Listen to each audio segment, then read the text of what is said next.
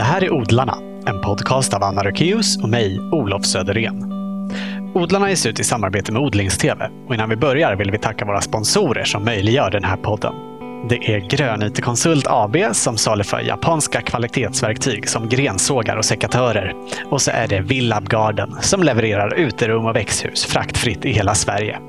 Stort tack! Vår medverkande den här gången heter Jonny Andreasson. 1982 grundade han en fröfirma tillsammans med sin sambo Barbro.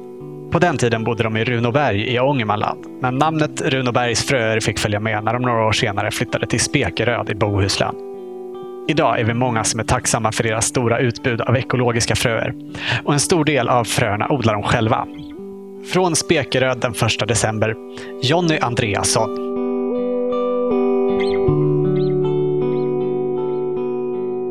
Har du alltid odlat? Ja, jag får gå väldigt långt tillbaka om jag ska ta upp mina första minnen av odling.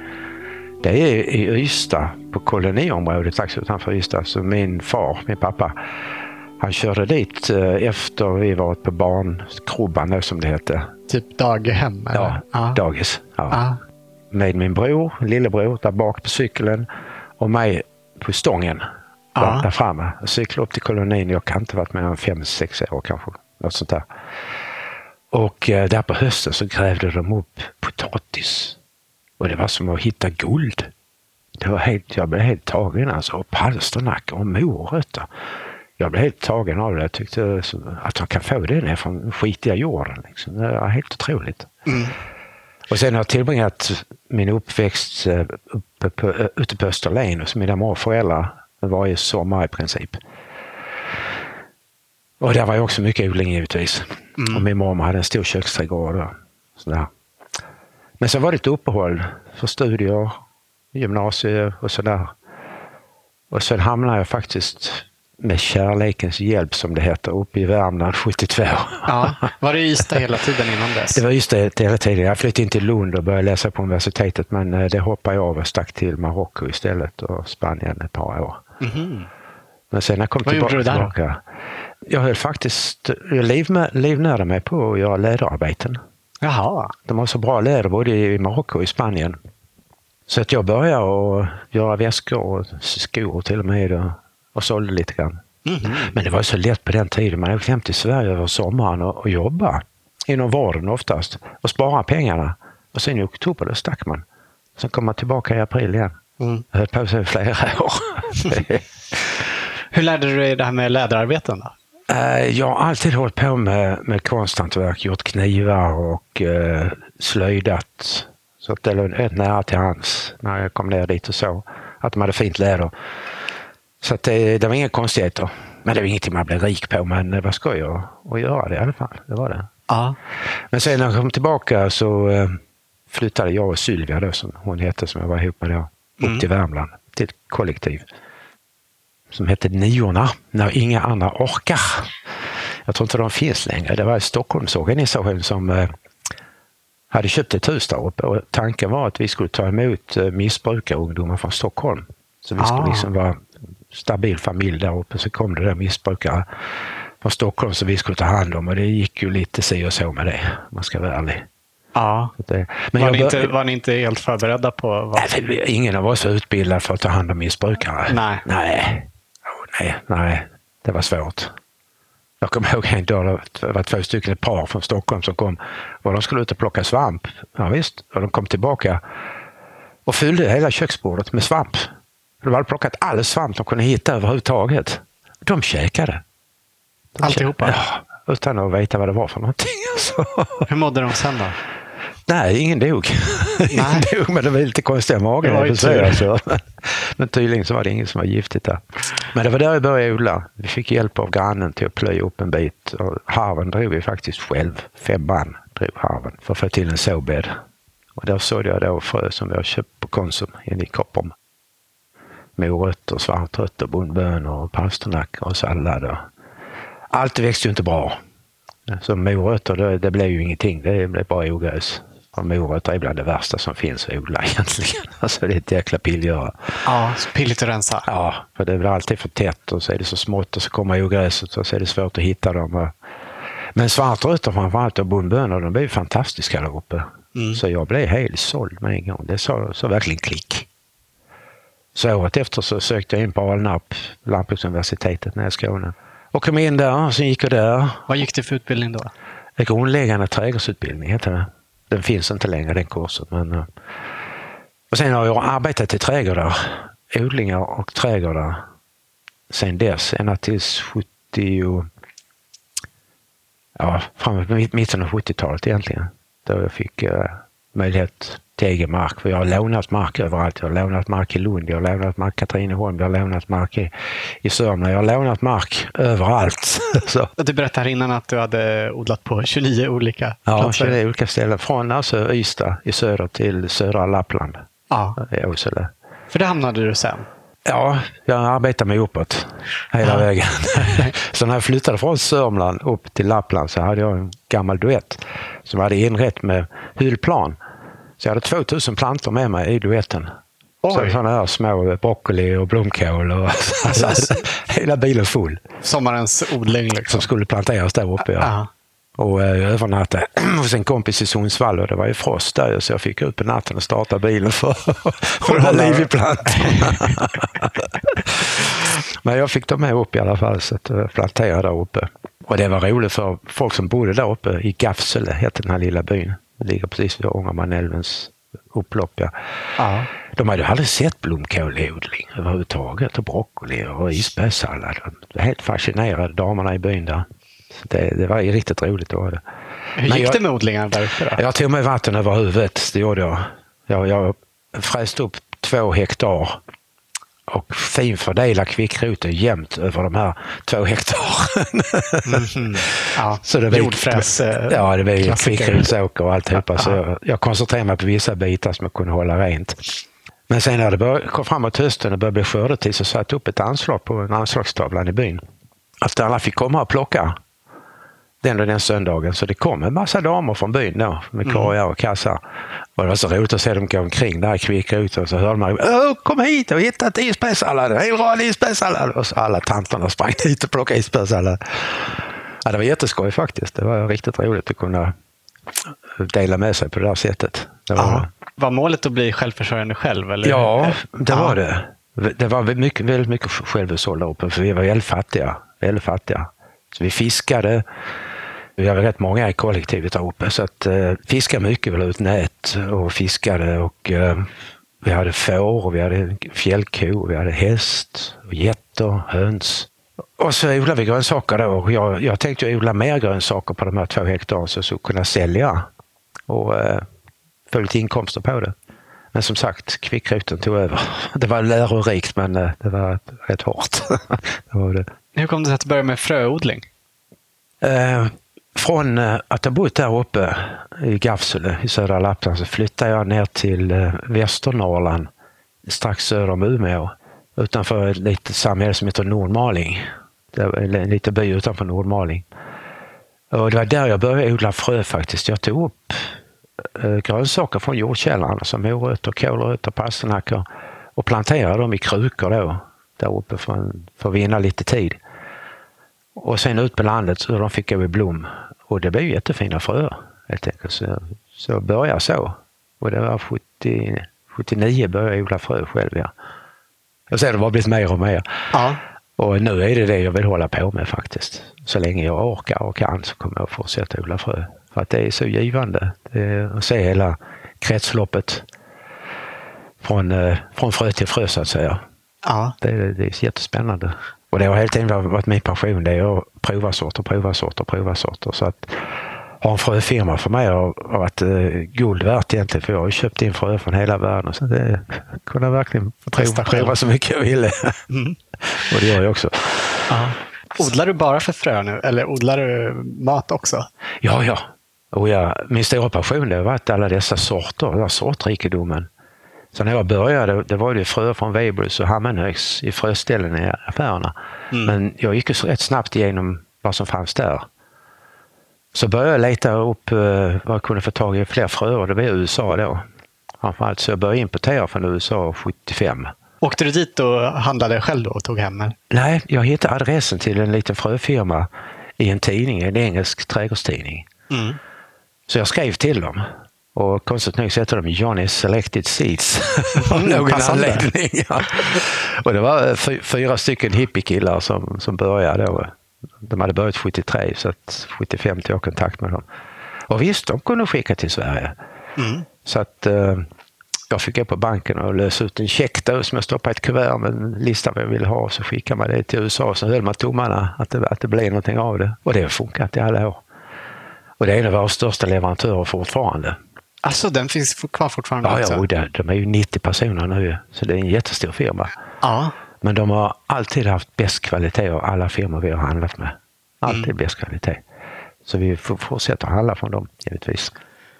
Men så startar ni firman 82. 82 ja, uppe på Runeberg ja. Och då hade Barbro och jag precis flyttat dit. Ja. Men eh, när hösten kom och vi satt där uppe på berget och Barbro hon sa, vad fasen ska jag göra här uppe hela vintern? Liksom. Jag hade ju veden och skogen att hugga. Mm. Så då, och jag åkte skidor väldigt mycket. Men det var det Barbro och en granne som sa, ja men Johnny kan du inte köpa hem lite mer frö? Så, för det fanns ju folk där uppe som var intresserade. Stora Skogsnäskollektivet bland annat var ju någon mil därifrån bara. Och eh, alla ville ha frö. För jag, jag sålde det mycket billigare än, än det de kunde köpa där.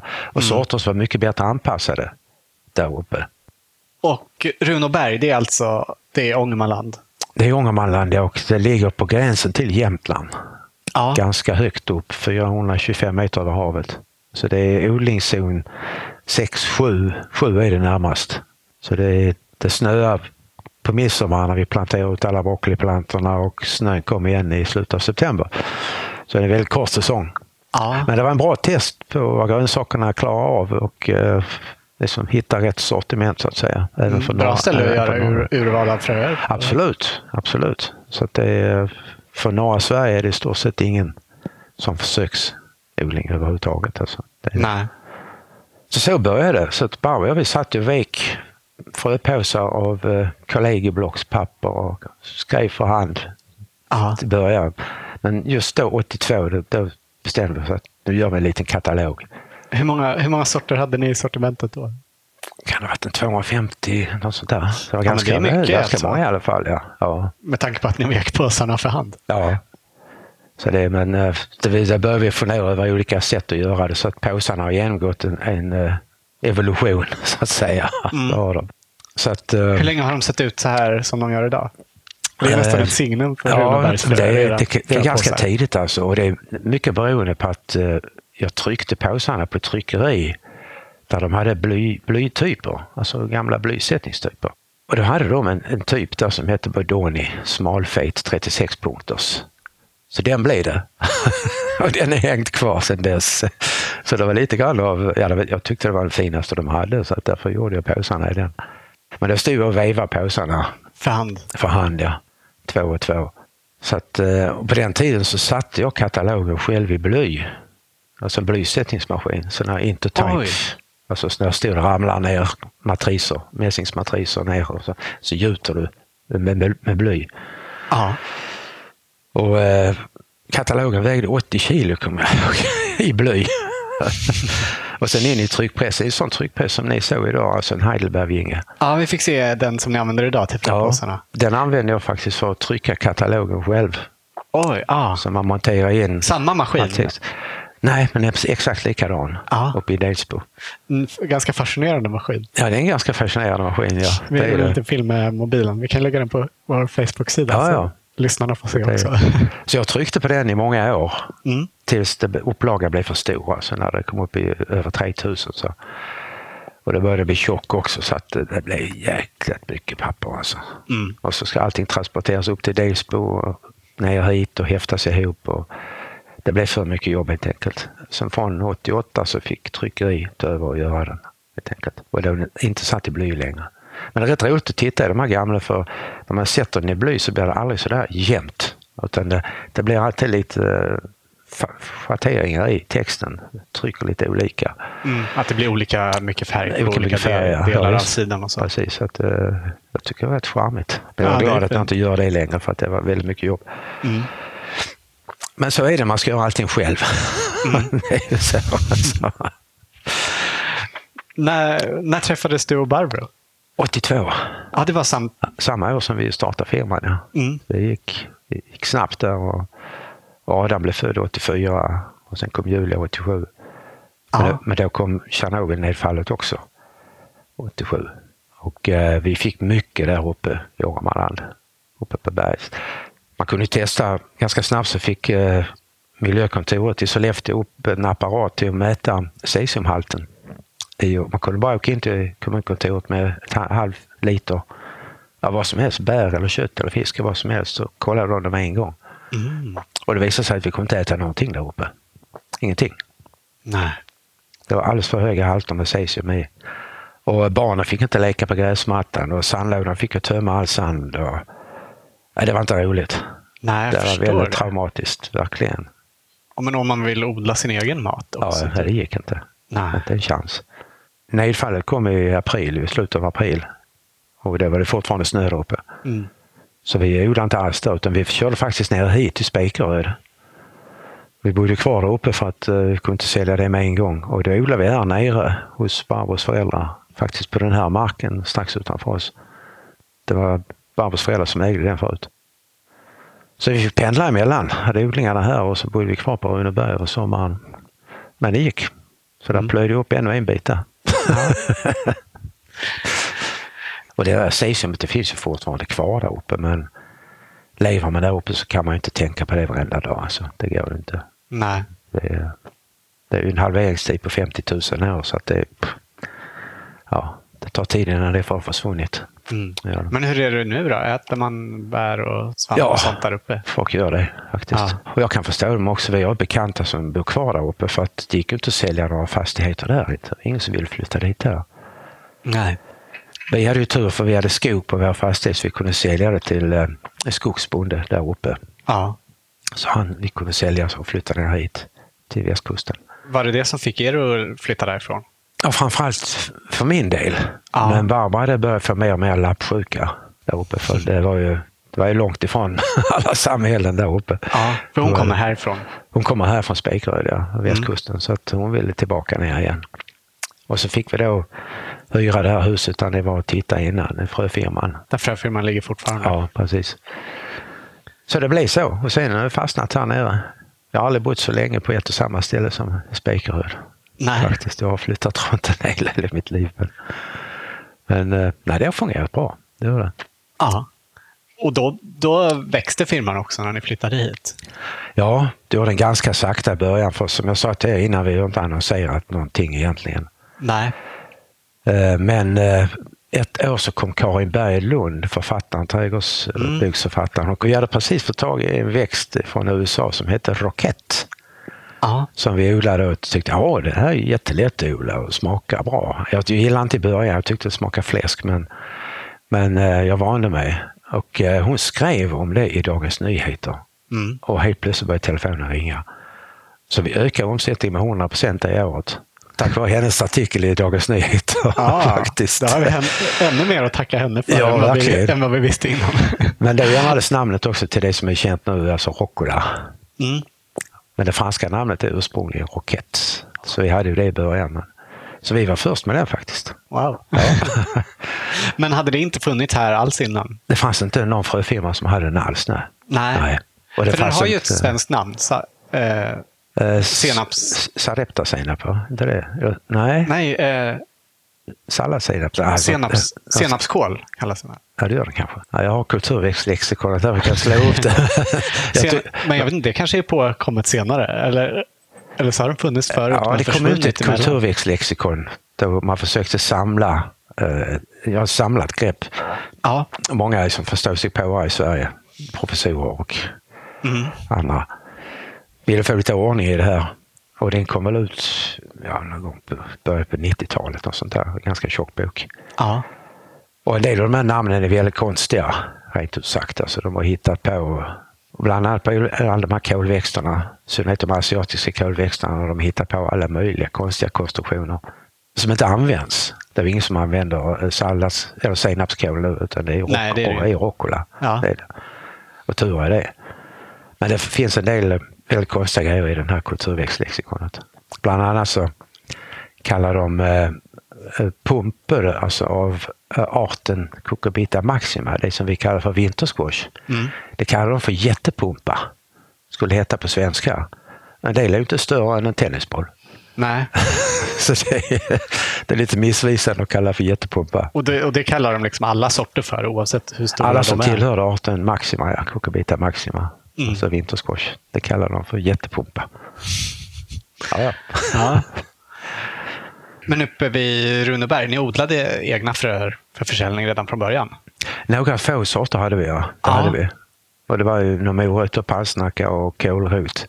Och jag märkte bara på de åren vi bodde där uppe att eh, om du tar ditt eget frö och då tar du det från de, de rotfrukter som du tycker är finast. Alltså. Det behöver inte vara de största, det behöver inte vara de minsta, men de som är jämnast och finast.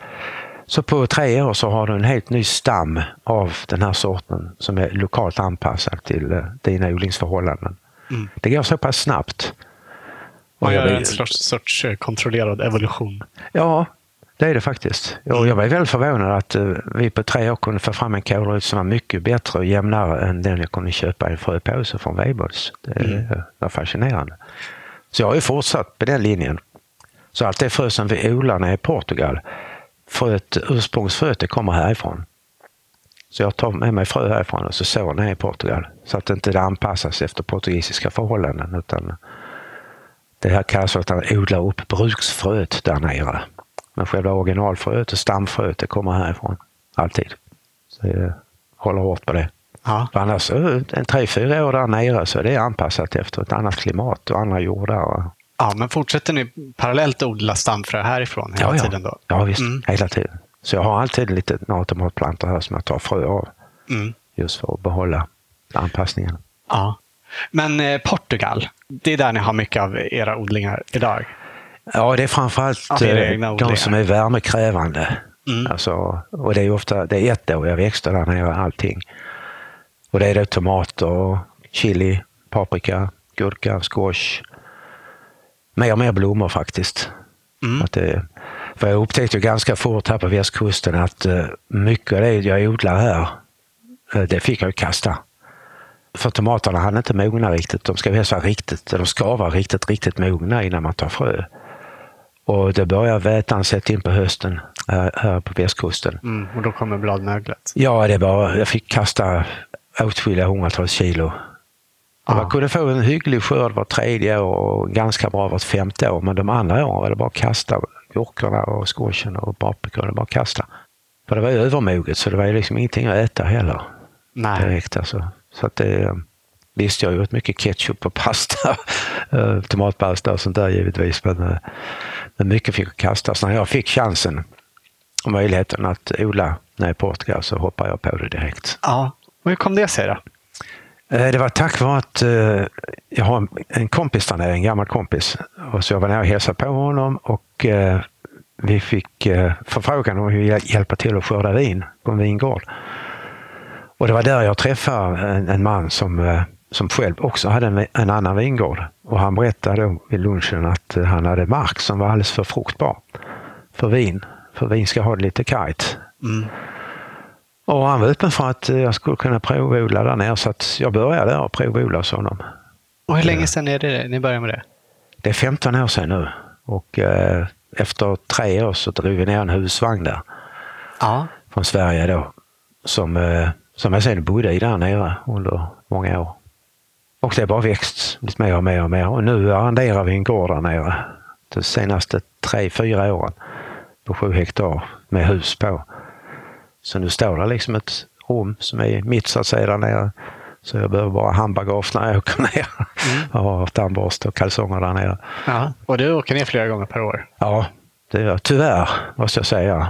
Jag tycker inte om det här flygandet, absolut inte, av flera skäl. Men eh, jag tog reda på vad det skulle kosta att ta tåget ner. Ja. Det var tre gånger så dyrt som att flyga. Och, det, och så tar det nästan tre dygn. Ja. Så att eh, men jag, jag ska dra ner på flygandet för att det, jag tycker inte om det.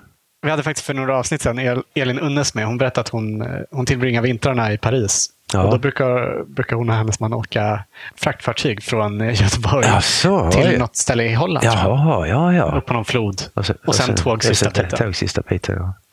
ja ta, ta båt ner till Algarve, det, det tar tid. Ja. det gör det. För tyvärr är det så att man kan inte spendera för mycket tid på resandet heller. Nej, inte om man åker flera gånger. Nej. Nej. Så nu när vi var nere nu sist och Paul Tepen var med, han har varit med många gånger mm. där nere och hjälpt till. Man tycker det är skönt och han känner sig mycket bättre i kroppen när han kommer ner i värmen. Så vi var där nere och rensade frö nu i eh, början av november. Ja. Rensade frö i 14 dagar.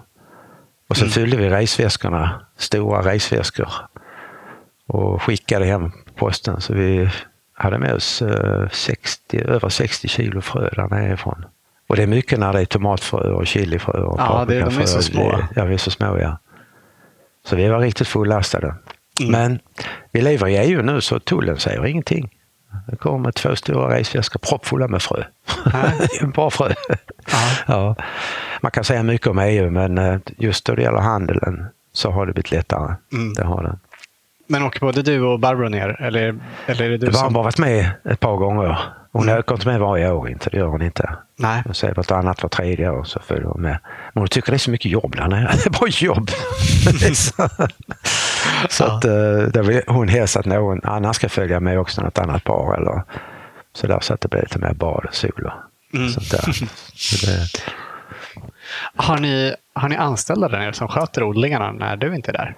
Ja, eh, Daniel, svensk kille, den här gamla kompisen, han är så att säga förman där nere. Och sen uh, hyr han in extra arbetskraft under de här intensiva perioderna.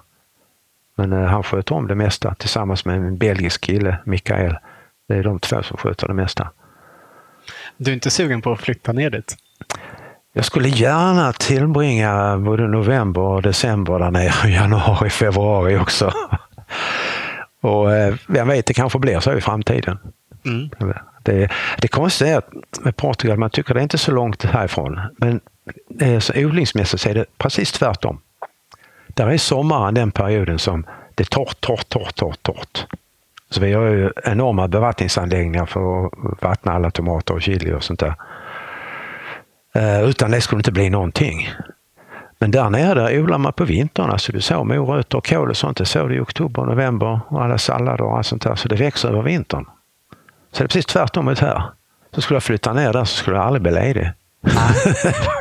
De här tvååriga växterna, står de sen över sommaren innan de går i blom nästa vinter? Då, då måste du hålla liv i dem över sommaren, ja. Ja, ja det måste du. Klarar de sig i jorden då? Ja, det gör de. Men ja. utan vatten går det inte. Nej, de måste Nej, ha vatten, måste ha vatten ja. också. Ja. Ja. Så får vi räkna efter, vi hade sju kilometer vattenledningar där, mm. minst. Det är mycket, mycket slang. Ja. det är det. Men så där odlar ni en del värmekrävande växter. Men ni har mm. massa fröodlingar här utanför också? Ja, det har vi. Och det är de, de alltså framförallt tvååriga växter. Så eh, kålrötter, grönkål, pasternacka, havrot, svartrot.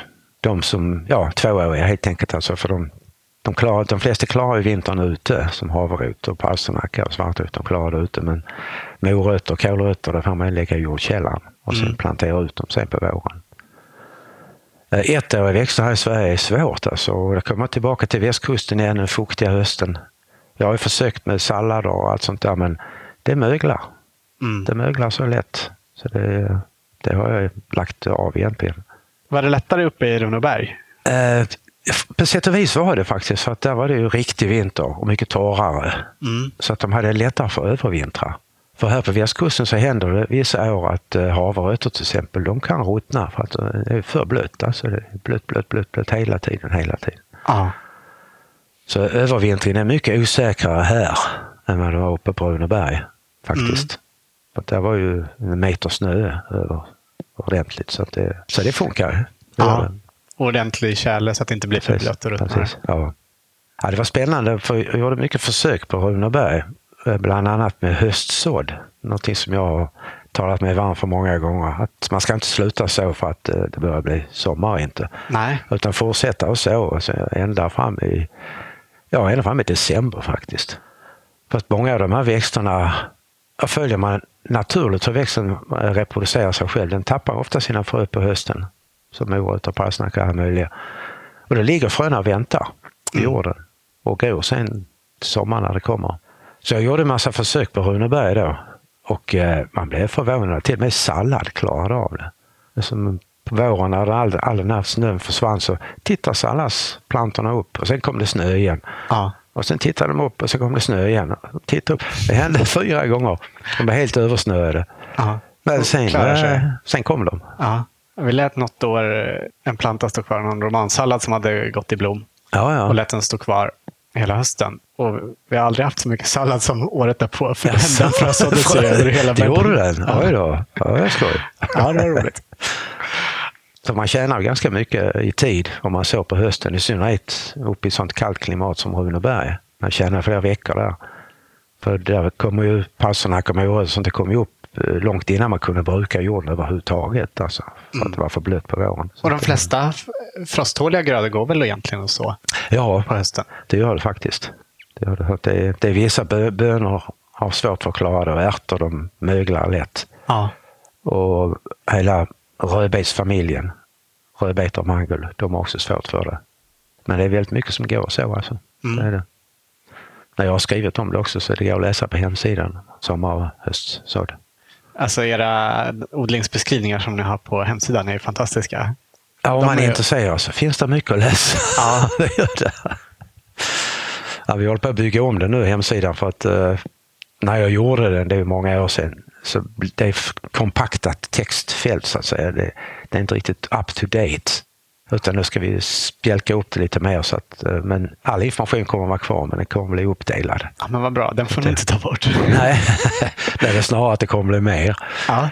Men det ligger liksom inte i sådana... Ni har själv sett, det kan vara, man går in på uh, bönor så är det liksom bara tjock text. Mm. Och det ska man vara intresserad av, man ska läsa igenom allt det där. Ja, men det är man ju. ja, layouten kommer att bli annorlunda och den blir lite lättare. Så det håller vi på med just nu. Ja. Du sa ju att ni var nere och rensade fröer. Ja. Eh, och vi fick också se innan en hembyggd rensmaskin som du har gjort. Ja, just det. Ja. Ganska snillrik konstruktion. Den är fantastisk helt enkelt. det är den. Och det är en ganska lätt konstruktion egentligen. Ja, ni såg själva hur den ser ut. Det är, det är, inte så svårt att göra det. Man får måtten bara, de rätta måtten. Och sen drivs den av en dammsugare som uh, helt enkelt ser till att böset försvinner och fröna blir rena. Ja, det har varit en otrolig hjälp. Det, det, bygger på att fröerna ramlar ner i en, vad ska man kalla det? Ni häller ner dem i en tratt och så ramlar ja. de ner i, i, typ som ett rör och böset sugs ut av en dammsugare och fröerna Precis. rasar rakt ner. Precis. Så det hänger ju på tyngden där. Mm. Att det ska vara skillnad i, i tyngden. Men vi använder också mycket såll, olika såll med olika storlekar, olika nät och sånt där. Och innan vi hade den här rensmaskinen då, då blåste vi helt enkelt. Vanna heter det. Man använder vindens hjälp. Och ni har säkert sett eh, där bönder står och kastar upp majs eller sädesslag i luften och låter vinden föra bort eh, allt böset och fröet ramlar ner. Och i princip så kan man ju blåsa bort det mesta skräpet om man inte har så mycket. Så. Mm. Men det var, du hade någon ritning som du byggde ja, den här efter? det är en engelsk fröfirma som har provat ut den här. Det finns ju alltså professionella sådana här maskiner som bygger på samma princip. Men eh, det, det rör sig om 100 000 kronor minst. Ja. Så den här engelska fröfirman de börjar och konstruera själv. De fick hålla på rätt länge innan de fick rätt på alla vinklar och alla mått.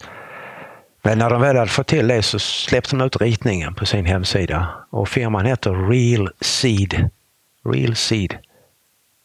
En engelsk firma. Real Seed Company kanske. Real Seed i alla fall. Så du kan gå in på nätet och ta, hämta ritningen hur lätt som helst. Kanske inte riktigt motiverat att bygga en om man eh, fröodlar till sig själv bara. Nej, det är det inte. det är det inte. Men både du och Barbro jobbar i, i firman? Ja, det har vi gjort från början. Ja. Båda två. Har ni kunnat leva på det hela tiden? Eh, ärligt talat så var det magert i många år. Det var det. Så att, eh, men det är med att vi odlar mycket grönsaker och eh, i princip är vegetarianer så lever vi ganska billigt. Och på Runeberg hade vi ingen hyra alls. Vi byggde huset själv för besparade pengar.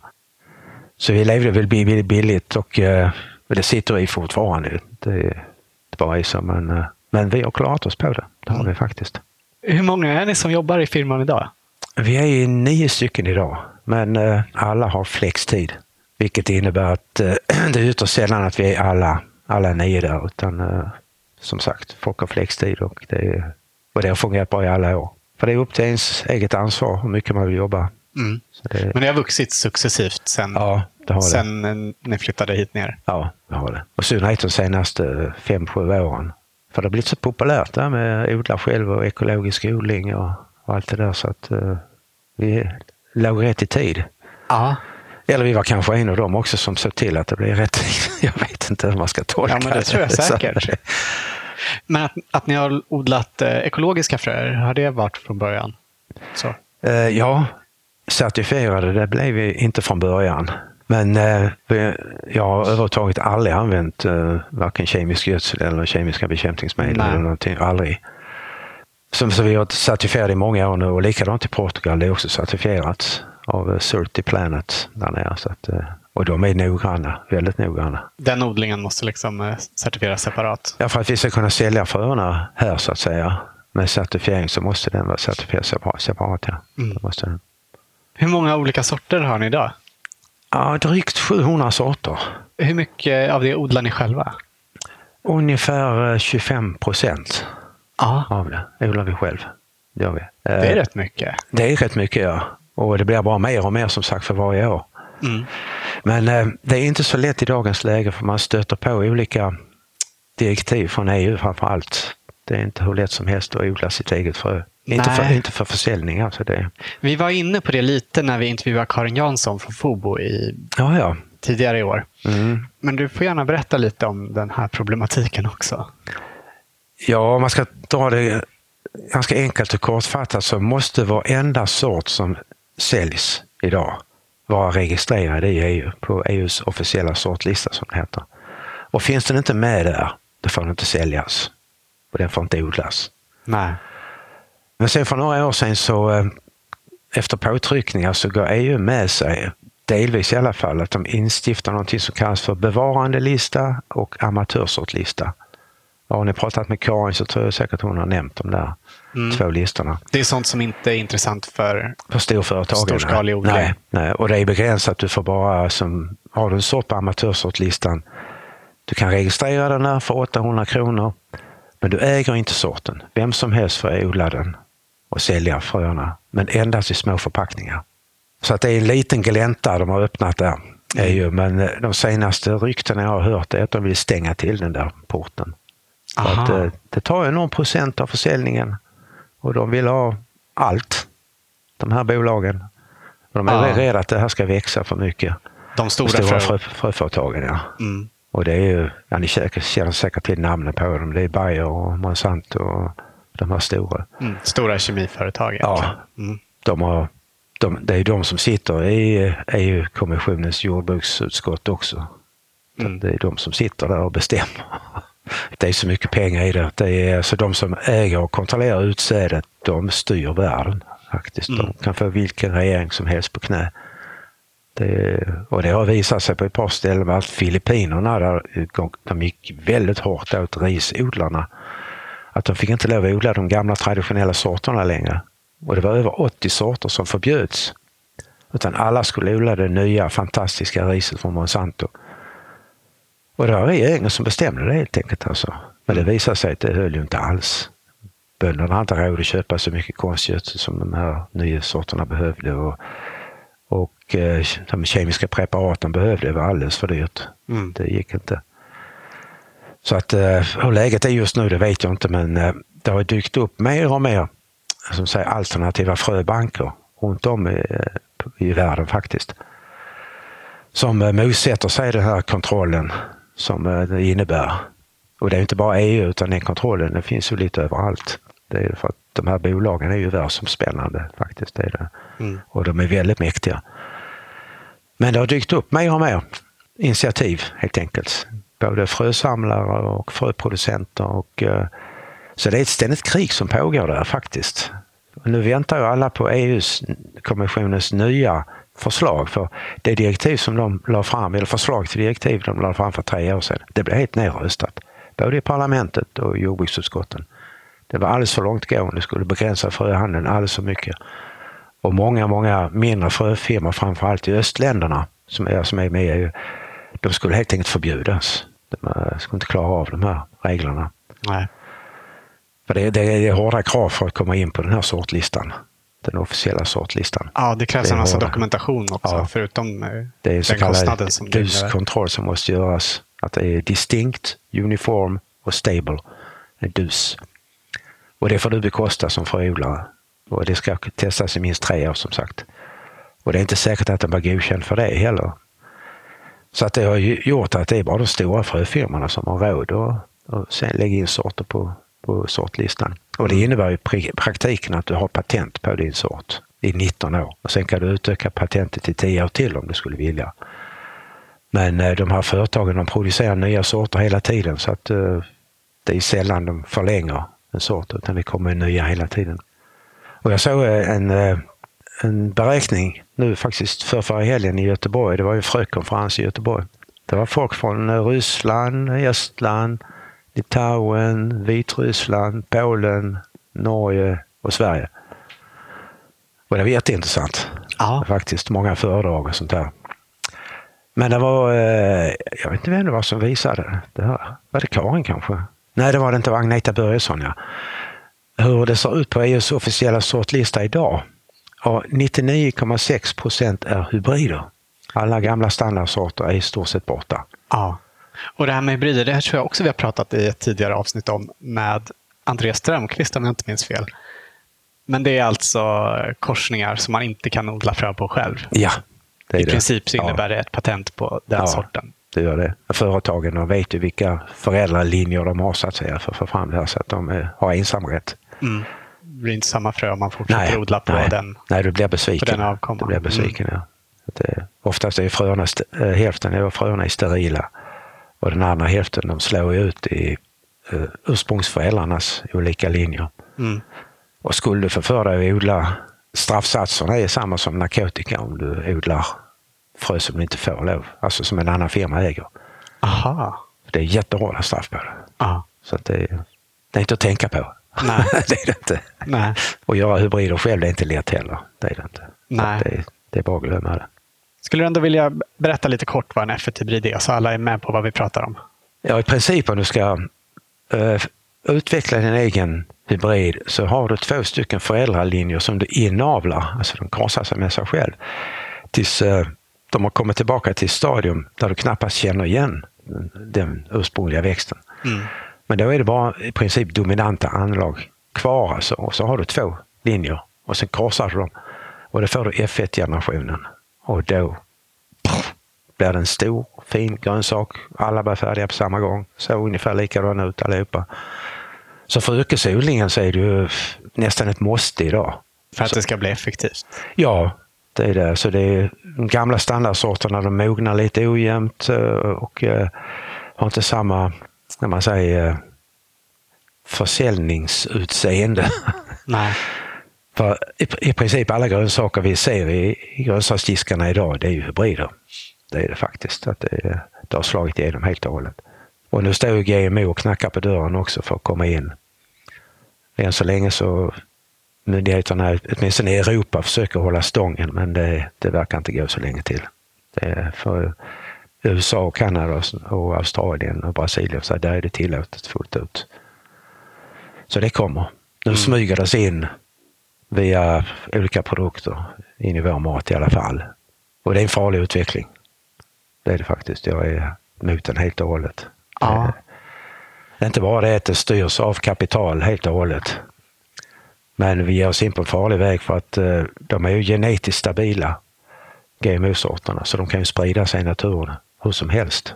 Mm. Korsa sig med, med ogräs och ja, vi kan inte se konsekvenserna av det helt enkelt. Alltså det är farligt. Dessutom så används väl GMO ganska mycket till att ta fram sorter som är resistenta mot ogräsmedel och sånt där. Så att man ska Ja. kunna använda ännu mer av precis. kemikalier. Jo, det har varit den stora grejen, framförallt för Monsanto då, och deras eh, glyfosat, alltså Roundup.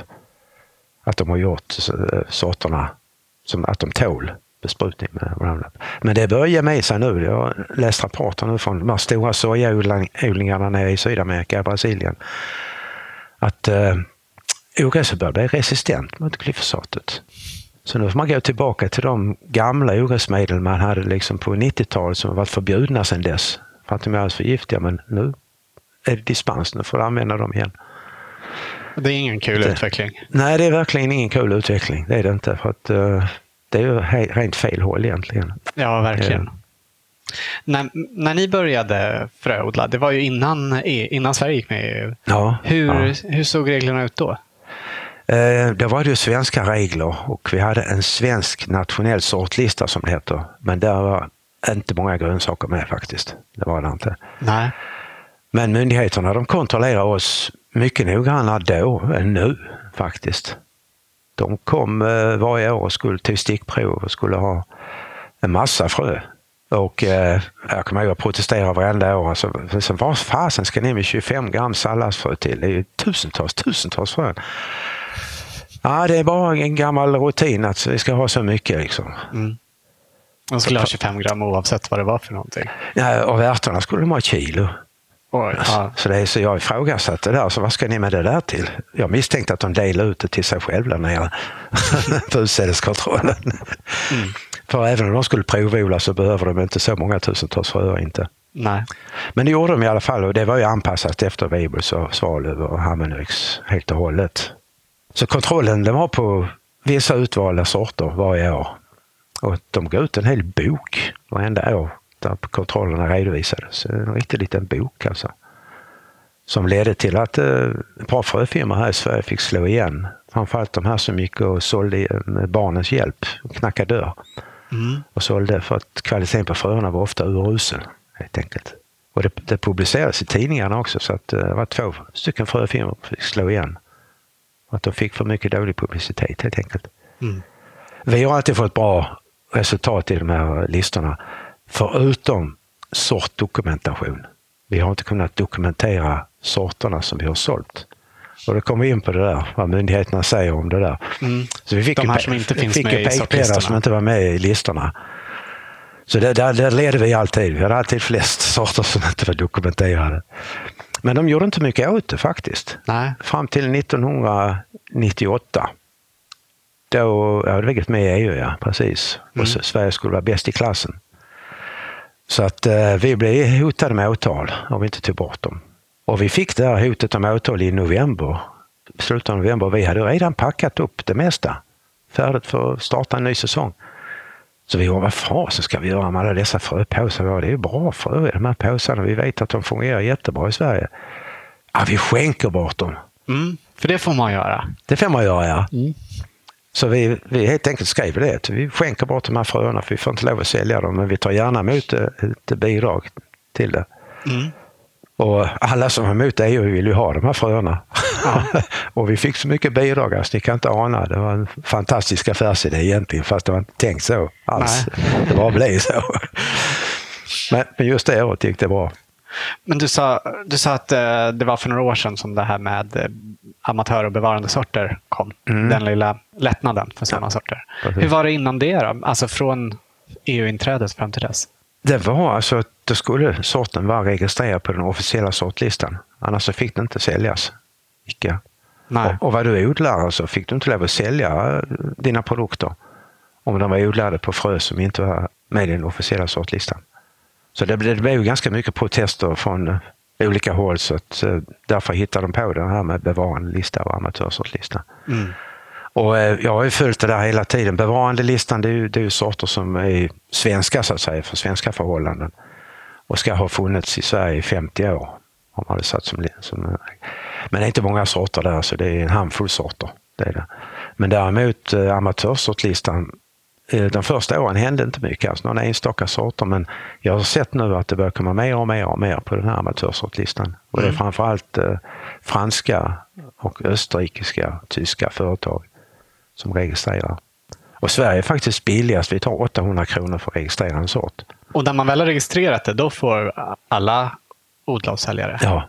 Mm. Då är det helt fri, helt öppen. Men mm. utöver, dem, utöver den kostnaden så är det också all den här dokumentationen som måste Den ska till, ja. Den ska till. Och det är ju också en kostnad såklart. Ja, men vi har ju snackat om det där många gånger med myndigheterna och de ställer inga höga krav på dokumentationen då det gäller amatörsortlistan. För att det är väldigt svårt att få fram dokumentation. När, när kom den här sorten fram? Vem var det som fick fram den? Var någonstans? Vi har ju sorter från Ryssland och Kina och sådär. Det är helt omöjligt att få reda på var sorterna kommer ifrån och vem som har tagit fram dem från första början. Det är mm. helt omöjligt.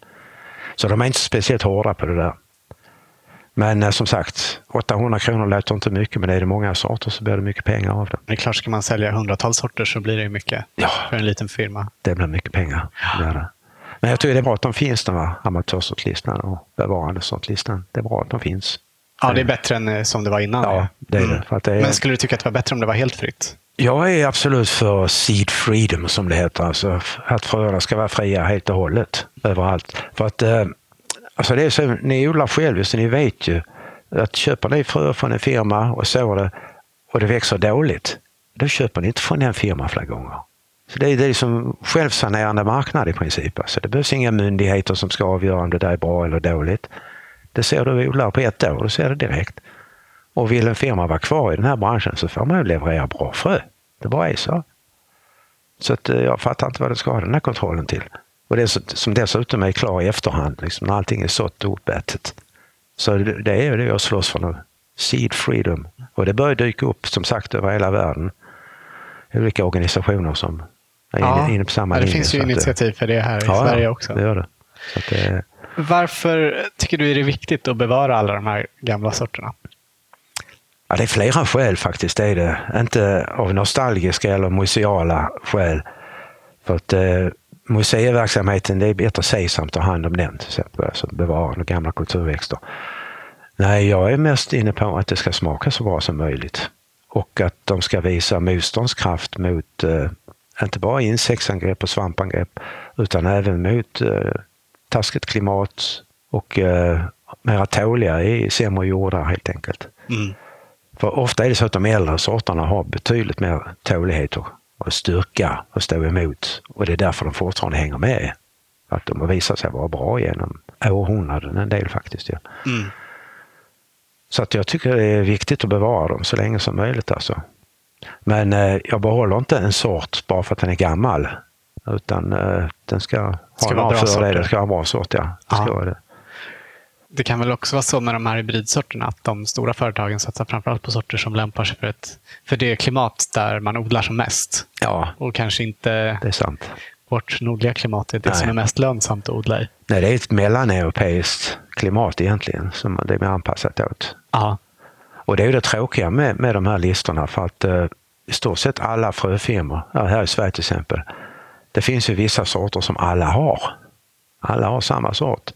Och ju hårdare kontrollen blir och ju liksom mer uppstyrt det blir. Det innebär att alla fröfirmor har i stort sett samma frö. De kommer från samma stora producent och köper in. Sen är det upp till dig som fröfirma hur länge du kan behålla det här partiet innan du slänger det eller ger bort det. Mm. Eh, för att behålla grovheten i det så att säga. Så vi, vi kasserar, jag kasserar inte rätt ord, men vi tar bort massor med frö varje år när vi gör grovbetstesterna på hösten och säger att det där partiet, nej, det duger inte att sälja. Men däremot så duger det alldeles utmärkt att så egentligen. Så vi har i många år skickat frö både till Bangladesh och Sierra Leone och Elfenbenskusten och eh, nu senast till Syrien. Ja. Skickar. Är det genom så Syrien? Ja, just det. Ja. ja. Andreas som är aktiv där har vi också haft med ja, ja. i odlarna. Jo, ja, men vad bra. Det och vi tycker det är jätteskönt alltså, för att eh, morotsfrö som går till 70-75 procent, det, är, alltså det är hemskt bara kasta det. Mm. Vi vill helst inte sälja frö som går lite svagare, men däremot så är det alldeles utmärkt och så egentligen. Ja. Så att vi packar lådor och skickar höger och vänster. Vad bra. Så att, eh, och det i Syrien är bra för att de håller på att bygga upp en fröbank nu. Sa innan här att ni bara utökar sortimentet med fler och fler sorter. Att, att det är svårt att begränsa det och välja bort. Jo, det, det är nog tack vare Barbro att det inte blir allt för mycket helt enkelt. För att vi försöker ha den princip att ska vi ta in något nytt så ska något gammalt åka ut som, eh, som, Ja. som inte alltså, antingen säljer dåligt eller som inte hänger med riktigt. Har du någon favoritsort som du aldrig kommer välja bort? Inom vilket eh, växtslag tänker du på? vad, blir, vad blir det sista ni har kvar i sortimentet om du måste? Jag kan ta en, en favorit i alla fall som är helt klart som vi är helt ensamma om faktiskt också. Det är havruten. Inte havre utan haver. haver Ja. Havruten. Och den eh, fröodlar ni här ute? Den fröodlar själv ja. Ja. Och fröna fick vi faktiskt från en frösamlare på Gotland som hade hittat den i en gammal övergiven trädgård.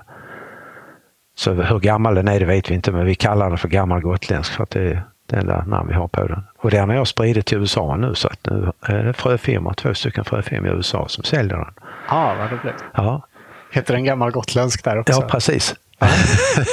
Ut, utan prickarna över ät. Jo då. Så det är, det är en klar favorit och det, när barnen var små så var det den ruten som de tyckte var allra, allra godast också. Mm. Så den är väldigt god. Det är den. För ni provsmakar liksom alla grödor innan, innan ni säljer frö? Ja, och barnen har varit fantastiskt eh, referens. en fantastisk referens just vad det gäller smaken. Ja. Det är det. Så att, eh, ett tag kom jag ihåg så skulle vi testa rödbetor. Och det fick de inte se. De fick eh, sjal runt över ögonen så fick kunde inte se. Och vi hade vita betor, vi hade gula betor, vi hade polkabetor och vi hade två sorters röda betor. Som vi då tillagade. Men de fick inte se dem och båda två valde den vita som godast.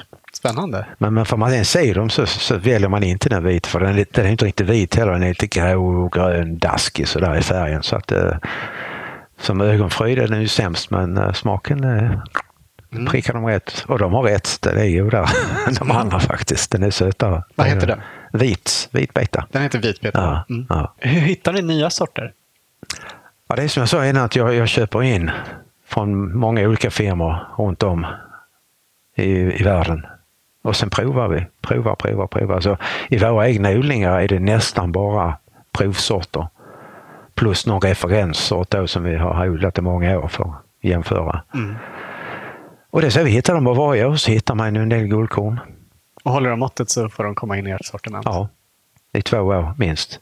Och eh, många år har vi hållit på att dela ut så kallade provfrö till folk som har velat haft.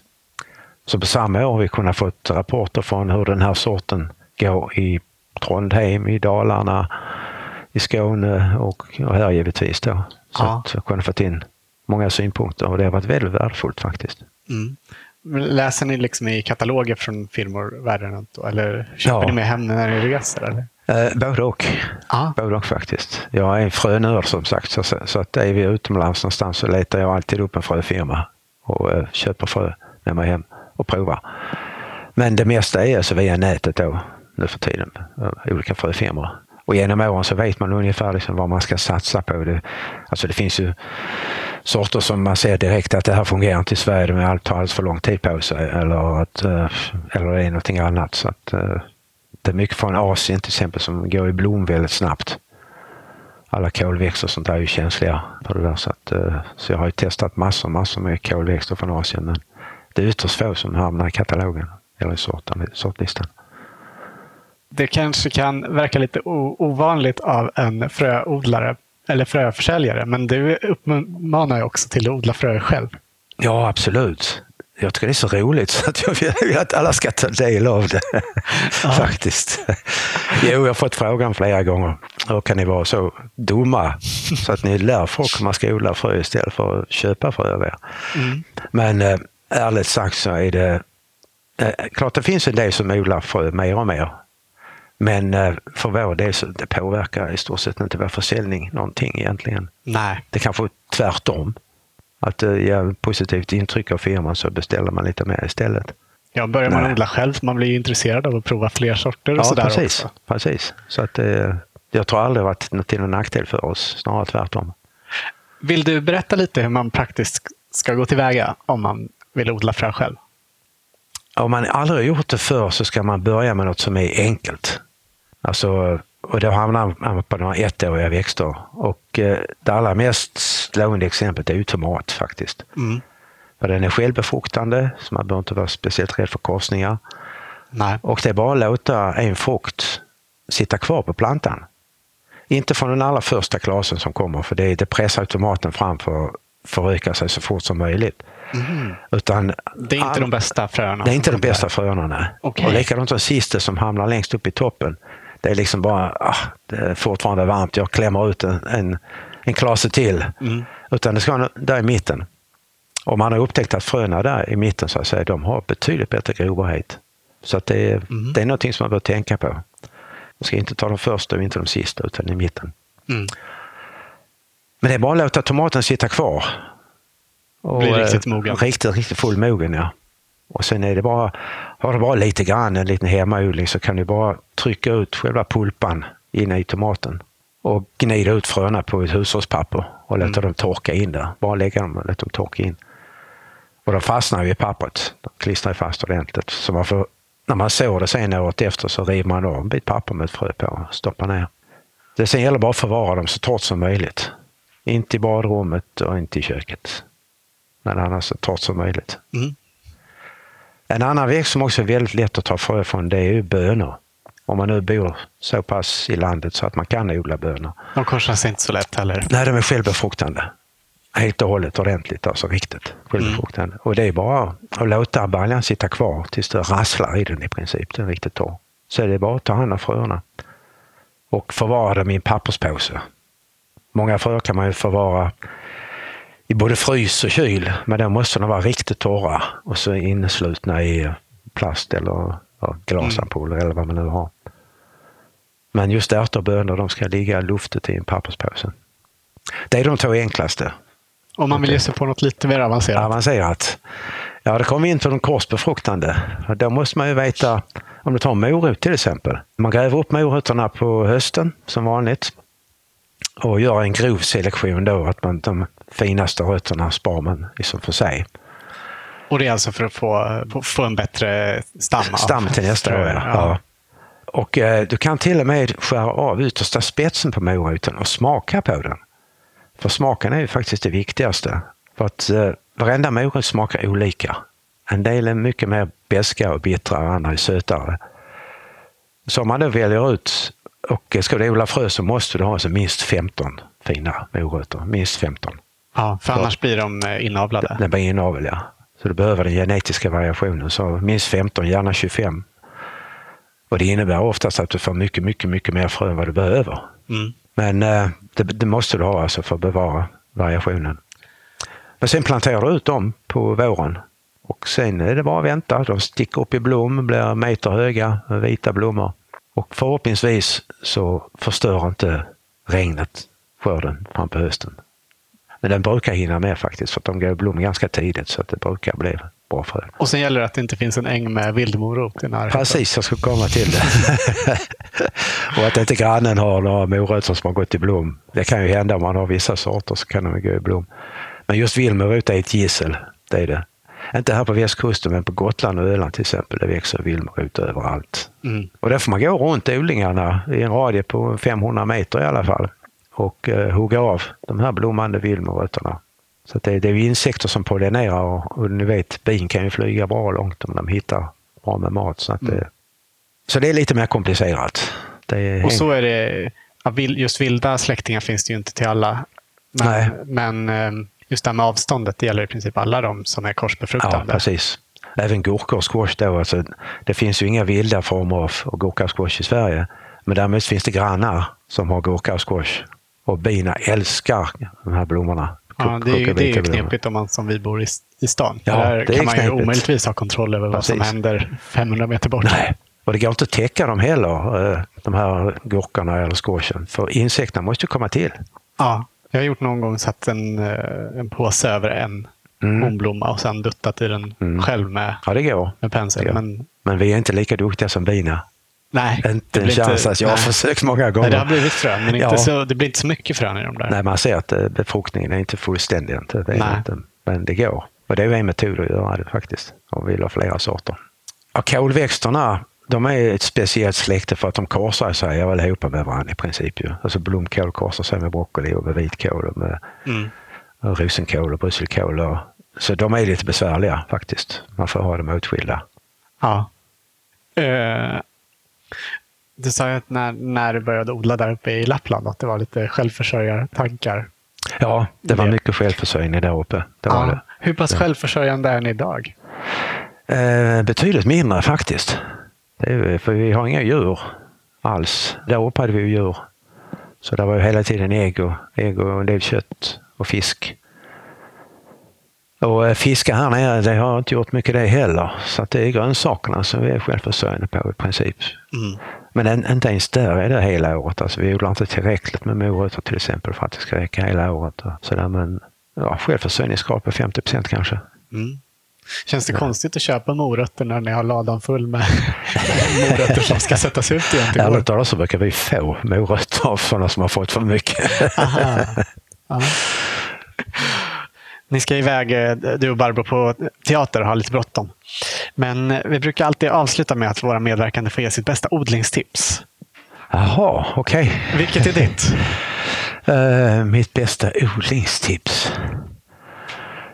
Ha inte för bråttom. Och gör inte för mycket. För det är inte roligt när det blir panik göra hela tiden bara. Utan uh, börja litet och sen utöka. Mm. Och så inte för bråttom. Alltså det är lätt att så för tidigt för att det kliar i fingrarna men ofta tjänar man ingenting på det. Utan snarare tvärtom. Så det är ett generellt tips. Mm. Det är det. Ta det lite lugnt. Och eh, ska du utöka det, komplicera lite mer så det handlar om att ta hand om jorden och få jorden i bra balans redan från början. Så att jag är helt emot att plöja. Absolut ingen plöjning. Utan jorden ska vara antingen täckt med eh, växande material eller eh, täckmaterial, då, hö, mm. till exempel gräsklipp. Har ni alltid täckodlat? Ja, kan man säga. Mm. Det har vi. Att ta hand om sin jord på bästa sätt är det viktigaste man kan göra för då, då löser sig de flesta problem. Ja, det är väl de två tipsen. Mm. Sen kan man utveckla hur mycket som helst egentligen. Alltså, men det är de bästa tipsen jag kommer på nu, så där på rak Jättebra tips. Tack så jättemycket för att vi fick komma hit. Ni var välkomna. Vad ska jag ha er här. Tackar.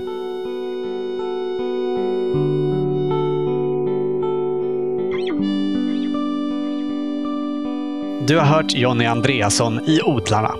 Hela Runobergs sortiment finns att beställa på runabergsfroer.se.